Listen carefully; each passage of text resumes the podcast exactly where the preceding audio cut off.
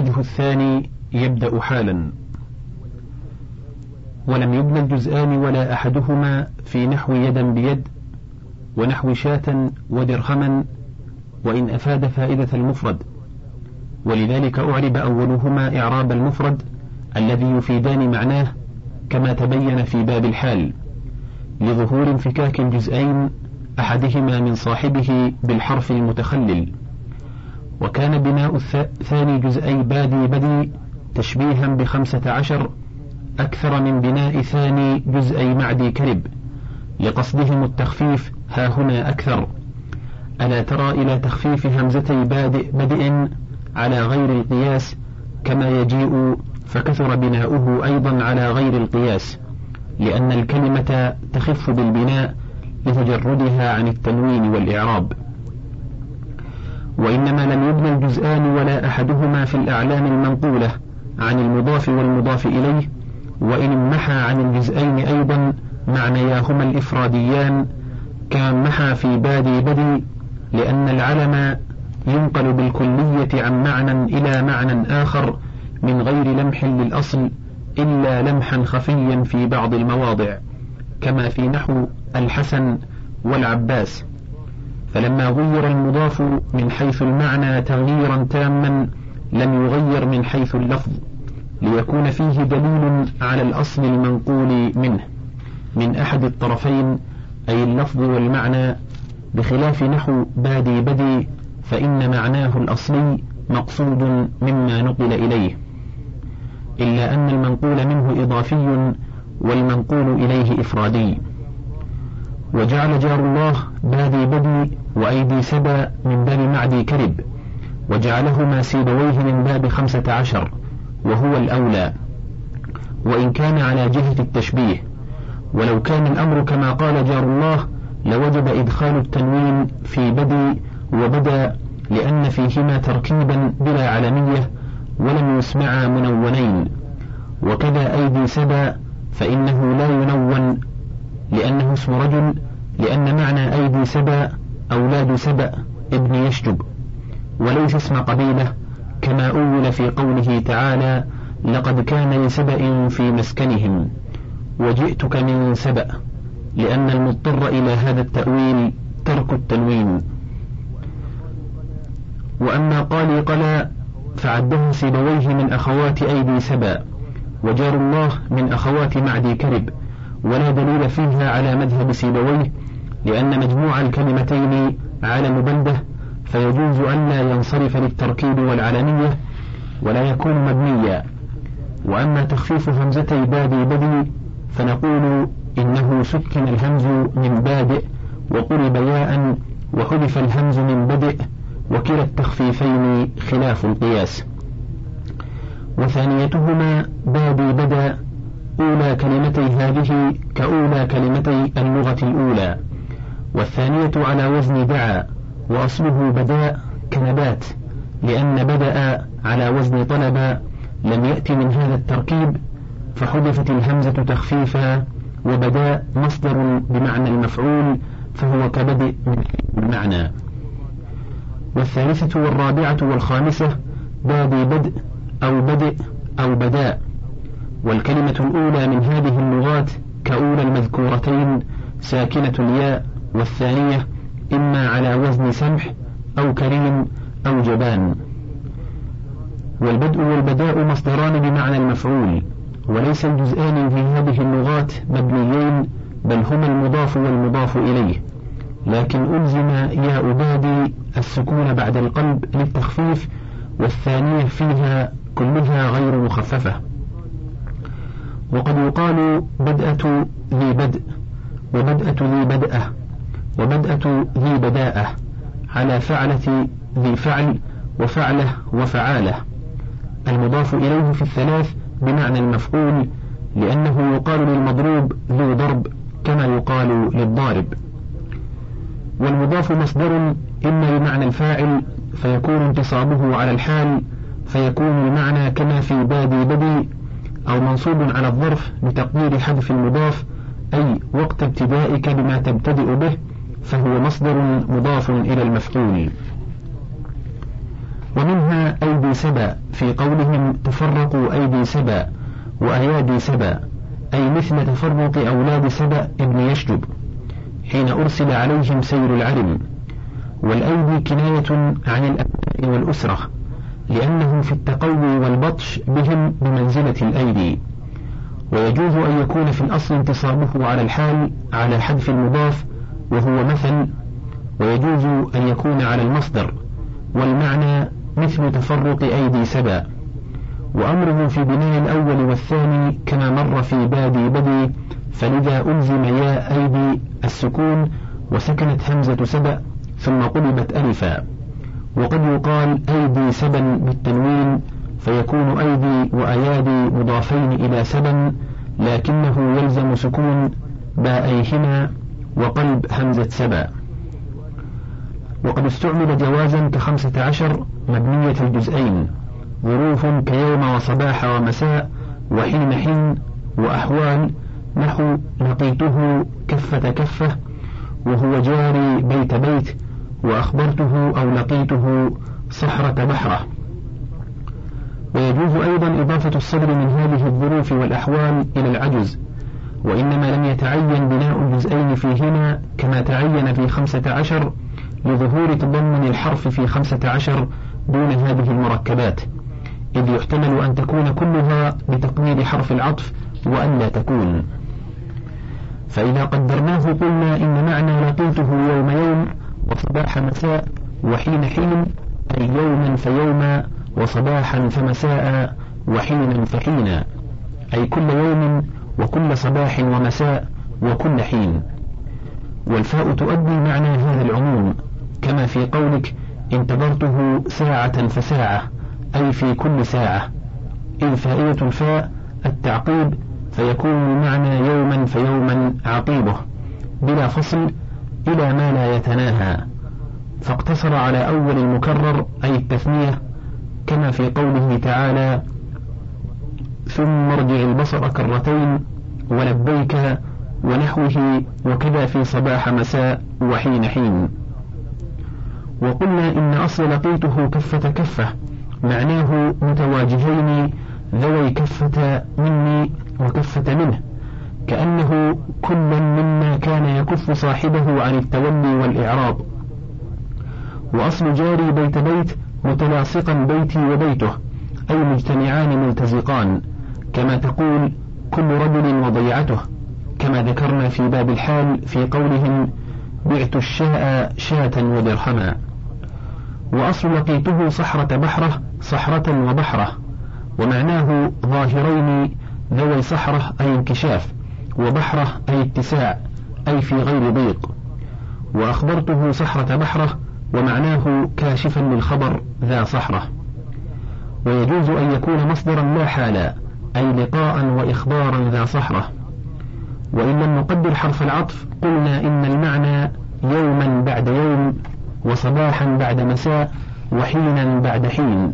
كقوله ولا تبلى بسالتهم وإنهم صلوا بالحرب حينا بعد حين ولقيته ذا كفة مع كفة أو بعد كفة كما يروى عن رؤبة كفة عن كفة كقولهم كابرا عن كابر وهو جاري بيت بيت أي ذا بيت مع بيت أو عند بيت وأخبرته ذا صحرة مع بحرة وإذا ضموا نحرة إليهما أعرب الثلاثة نحو صحرة بحرة نحرة.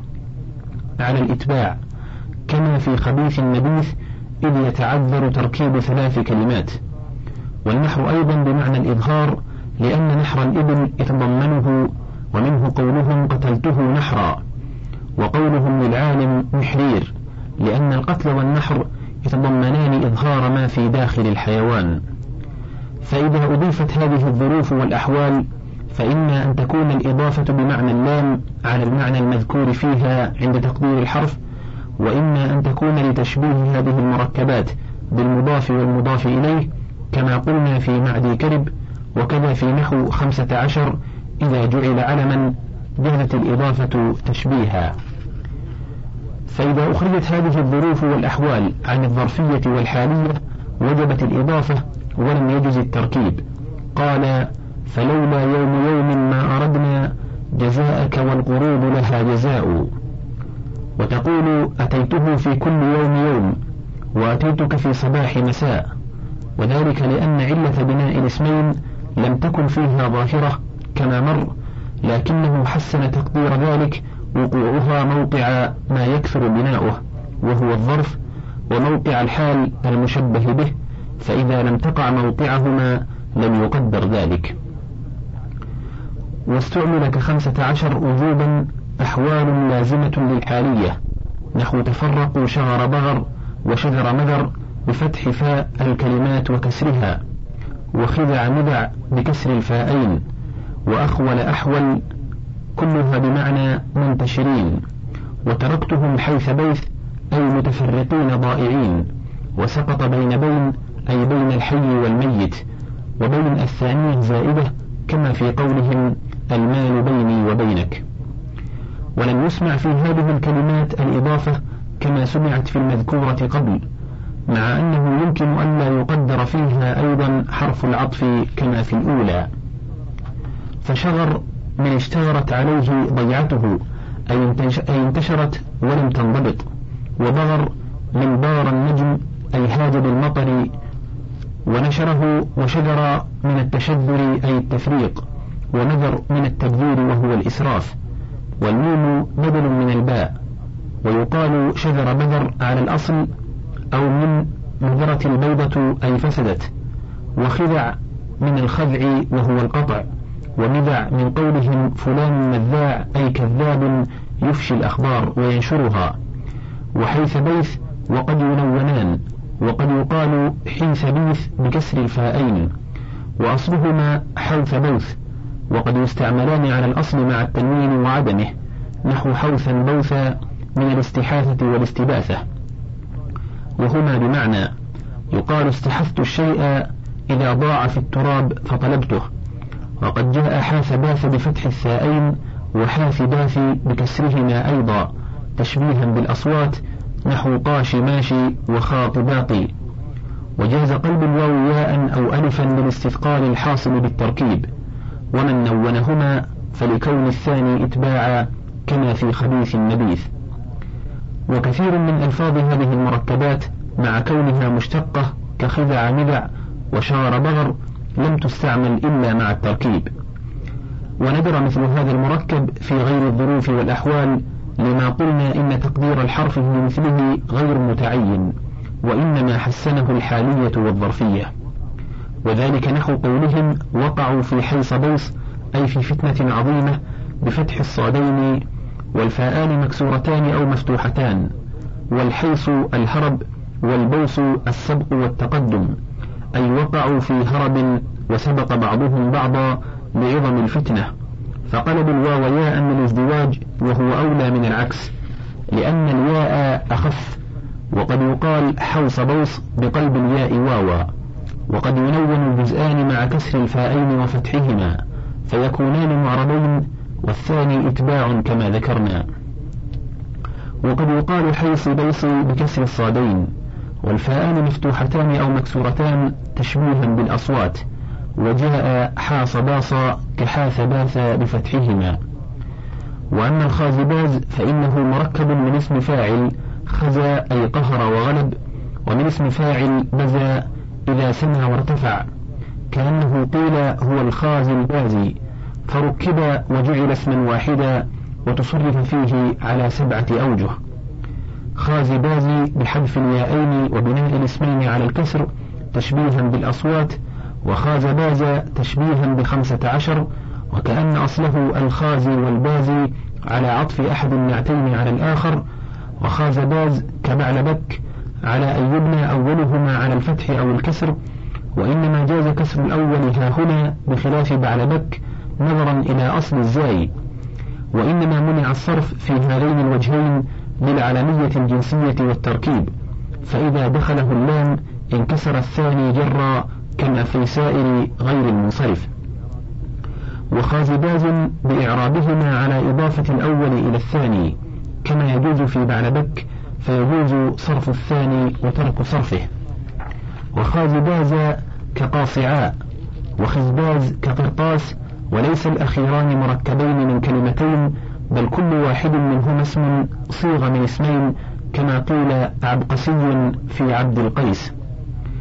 وإذا دخلت اللام على هذه اللغات لم تغير ما كان مبنيا عن بنائه كما في الخمسة عشر قال تفقأ فوقه القلع السواري وجن الخازباز به جنونا.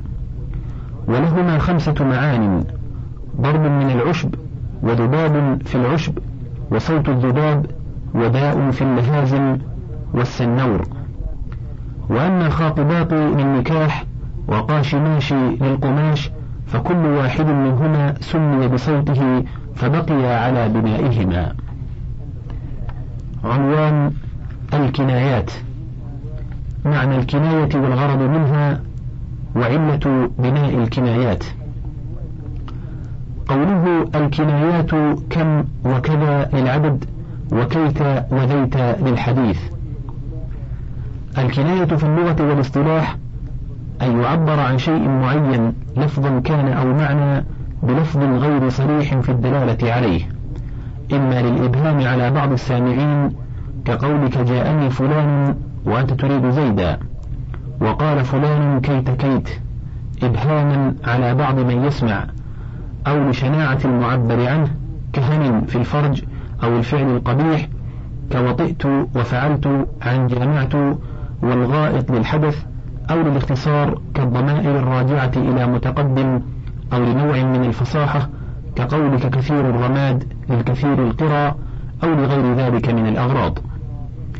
والمكنى عنه إن كان لفظا فقد يكون المراد معنى ذلك اللفظ كقوله كأن فعلة لم تملأ مواكبها ديار بكر ولم تخلع ولم تهبي أي خولة وكقولك مررت برجل أفعل أي أحمق.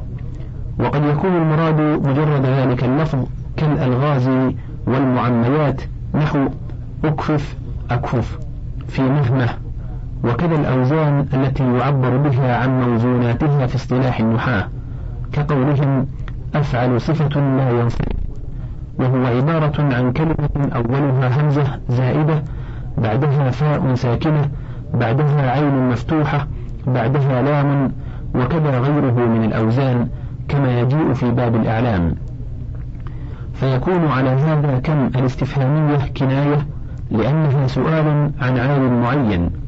وكذا من وما وكيف وغيرها من أسماء الاستفهام لأنها كلها سؤال عن معين غير مصرح باسمه. فمن سؤال عن ذي العلم المعين غير المصرح باسمه؟ ولو صرحت لقلت أزيد أم عمرو؟ وأذلك الفاضل أم ذلك الجاهل؟ وكذا أين سؤال عن مكان معين غير مصرح باسمه؟ وكذا أسماء الشرط؟ كلها كنايات. وذلك لأن كلمات الشرط والاستفهام بمعنى أي الموضوع للمعين شرطا كان أو استفهاما. تكني بهذه الأسماء شرطا أو استفهاما عن المعينات غير المحصورة اختصارا إذ كان يطول عليك لو قلت مكان أين زيد أفي الدار أم في السوق أم في الخان إلى غير ذلك من جميع المعينات. فحرف الشرط وحرف الاستفهام مقدران قبل هذه الأسماء كما هو مذهب سيبويه وهي كنايات عن المعينات التي لا تتناهى كما مر. وقول المصنف ليس نحو من وما وكيف كناية ممنوع إذ كثيرا ما يجري في كلامهم أن من كناية عن العقلاء وما عن غيرهم. وقولك أنا وأنت ليس بكناية لأنه تصريح بالمراد.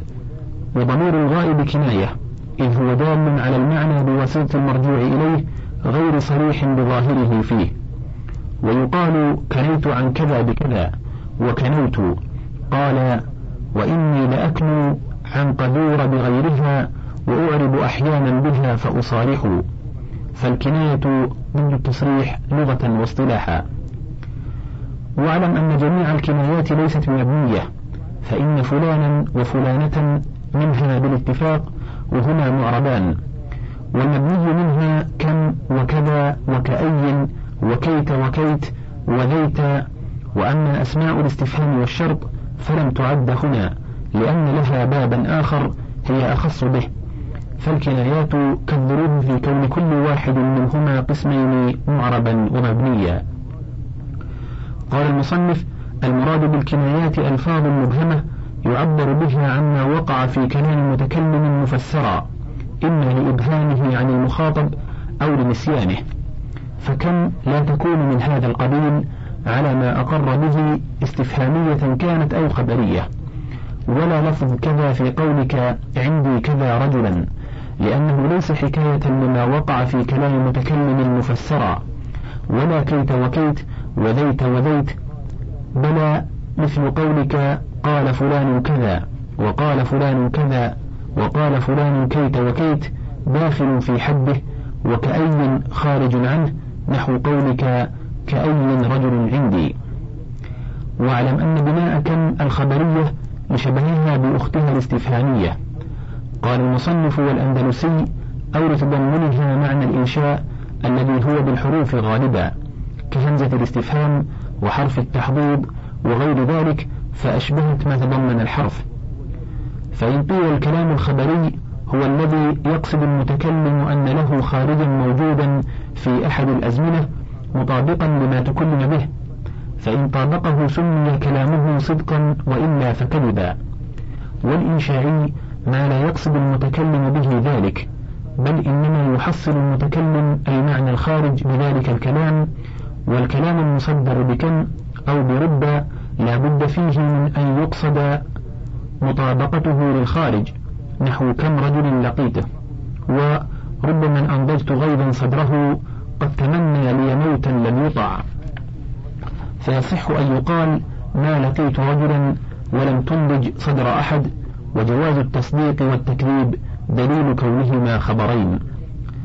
فالجواب أن معنى الإنشاء في كم في الاستذكار وفي رب في الاستقلال ولا يقصد المتكلم أن للمعنيين خارجا بل هو الموجود لهما بكلامه بل يقصد أن في الخارج قلة أو كثرة لا استكثارا ولا استقلالا فلا يصح أن يقال له كذبت فإنك ما استكثرت اللقاء وما استقبلت الإنضاج. كما لو قال ما أكثرهم صح أن يقال ليسوا بكثيرين ولم يصح أن يقال ما تعجبت من كثرتهم. وليس كذلك نحو ما قام زيد فإنه لا يفيد أنك تعد قيامه منفيا بهذا الكلام كما أفاد كم رجل لقيته. أنك تعد لقاءه كثيرا بهذا الكلام بل المعنى أنك تحكم بانتفائه في الخارج. ويأتي تمام القول فيه في أفعال المدح والذم إن شاء الله تعالى. وأما بناء كذا فلأنه في الأصل ذا المقصود به الإشارة دخل عليه كهف التشبيه وكان ذا مشارا به إلى عيب معين في ذهن المتكلم مبهم عن السامع. ثم صار المجموع بمعنى كم والنحى عن الجزئين معنى التشبيه والإشارة كما ذكرنا في فاه لفيك وأيدي سبا فصار الكلمتان ككلمة واحدة. ولذا نقول إن كذا مالك برفع مالك على أنه خبر. إن ولا نقول إن اسم إن الكاف الاسمية لأنها عند سيبويه لا تكون اسمية إلا للضرورة كما يجيء في حروف الجر. فيبقى ذا على أصل بنائه قوله كذا للعدد وقد يكون لغير العدد أيضا نحو قال فلان كذا. وأما كأي فهو كاف التشبيه دخلت على أي التي هي في غاية الإبهام إذا قطعت عن الإضافة. فكأي مثل كذا في كون المجرورين مبهمين عند السامع إلا أن في ذا إشارة في الأصل إلى ما في ذهن المتكلم بخلاف أي فإنه للعدد المبهم والتمييز بعد كذا وكأي في الأصل عن الكاف لا عن ذا وأي كما في مثلك رجلا لأنك تبين في كذا رجلا وكأي رجلا أن مثل العدد المبهم من أي جنس هو ولم تبين العدد المبهم حتى يكون التمييز عن ذا وأي. فأي في الأصل كان معربا لكنه كما قلنا في كذا انحى عن الجزئين معناهما الإفرادي وصار المجموع كاسم المفرد بمعنى كالخبرية فصار كأنه اسم مبني على السكون آخره نون ساكنة كما في من لا تنوين تمكن فلذا يكتب بعد الياء نون مع أن التنوين لا صورة له خطا. ولأجل التركيب تصرف فيه فقيل كائن بالألف بعد الكاف بعدها همزة مكسورة بعدها نون ساكنة. قال يونس هو اسم فاعل من كان وذهب المبرد وهو الأولى إلى أنهم بنوا من الكلمتين لما ركبوهما اسما على فاعل. فالكاف فاء الكلمة والهمزة الهمزة التي كانت فاء أي صارت عينا وحذفت إحدى الياءين وبقيت الأخرى لاما. وقال الخليل الياء الساكنة من أي؟ قدمت على الهمزة وحركت بحركتها لوقوعها موقعها. وسكنت الهمزة لوقوعها موقع الياء الساكنة ثم قلبت الياء ألفا لتحركها وانفتاح ما قبلها فاجتمع ساكنان الألف والهمزة فكسرت الهمزة لالتقاء الساكنين وبقيت الياء الأخيرة بعد كسرة فأذهبها التنوين بعد زوال حركتها كالمنقوص. وقال بعضهم الياء المتحركة قدمت على الهمزة وقلبت ألفا لتحركها وانفتاح ما قبلها. ثم سكنت الهمزة وكسرت للساكنين وحذفت الأولى كما في قاض ومنهم من قال قدمت العين أي الياء الساكنة على الحمزة وقلبت ألفا مع سكونها كما في طائي وحاري. ثم نقلت كسرة الياء إلى الهمزة إتماما للتغيير وحذفت للتنوين بدليل أن من لغاته كيء نحو كيع وقد يقال كيء بفتح الهمزة على أنها بقيت مفتوحة. ثم قلبت الياء التي هي لام الكلمة ألفا لتحركها وانفتاح ما قبلها. وقد يقال كأي نحو كعي بحذف حركة الهمزة مع الياء الأولى. وجاء كائن نحو كع إما على حذف العين واللام معا ونقل كسرة اللام إلى الحمزة وإما على حذف العين ونقل كسرة اللام وحذفها للتنوين كما في عن وشد. وعند الكوفيين كم أيضا مركبة مثل كأي وكذا من كاف التشبيه وما وذلك لأن ما كما ذكرنا في الموصولات من مجهول فهي في إبهام أي وذا. ثم حذفت ألفها وسكنت الميم للتركيب وحذف ألفها إذا كانت في الاستفهام قياس. نحو لما وفيما فتكون كم الاستفهامية كقوله يا أبا الأسود لم خليتني لهموم طارقات وفكر. وأما عند البصريين فلا تركيب في كم. وأما كيت وذيت فإنما بني لأن كل واحدة منهما كلمة واقعة موقع الكلام. والجملة من حيث هي لا تستحق إعرابا ولا بناء كما مر في المركبات. فإن قيل فكان يجب أن تكون مبنية أيضا كالجمل قلت يجوز خلو الجمل من الإعراب والبناء لأنهما من صفات المفردات من الأسماء ولا يجوز خلو المفرد عنهما فلما وقع المفرد موقع ما لا إعراب له في الأصل ولا بناء ولم يجز أن يخلو منهما مثله بقي على الأصل الذي ينبغي أن تكون الكلمات عليه وهو البناء. فإن قلت إنهما وضعتا لتكون كناية عن جملة لها محل من الإعراب نحو قال فلان كيت وكيت أي زيد قائم مثلا وهي في موضع النصب قلت إن الإعراب المحلي في الجملة عارض فلم يعتد به. وبناؤهما على الفتح أكثر لثقل الياء كما في أين وكيف أو لكونهما في الأغلب كناية عن الجملة المنصوبة المحل. ويجوز بناؤهما على الضم والكسر أيضا تشبيها بحيث وجير ولا تستعملان إلا مكررتين بواو العطف نحو قال فلان كيت وكيت وكان من الأمر ذيت وذيت وهما مخففتان من كيت وذيت بحذف لام الكلمة وإبدال التاء منها كما في بنت والوقف عليهما بالتاء كما على بنت. ومن العرب من يستعملها على الأصل فلا يكونان إلا مفتوحتين لثقل التشديد والوقف عليهما بالهاء. ولامهما ياء لا واو إذ ليس في الكلام مثل حيوة وواو حيوان بدلا من الياء. إلا عند المازني وعنده واو حيوان أصل فيجوز أن يكون أيضا لام كيت وذيت واوا. ولم نقل إن أصلها كوية وذيه لأن التاء في كيت وذيت بدل من اللام. فلو كانت العين واوا لقلت كيت وذيت والتاء فيهما لكونهما عبارتين عن القصة. وحكى أبو عبيدة كيه بالهاء مكان تاء كيت مفتوحة ومكسورة. انتهى الشريط الثامن من كتاب شرح الكافية. وللكتاب بقية على الشريط التاسع.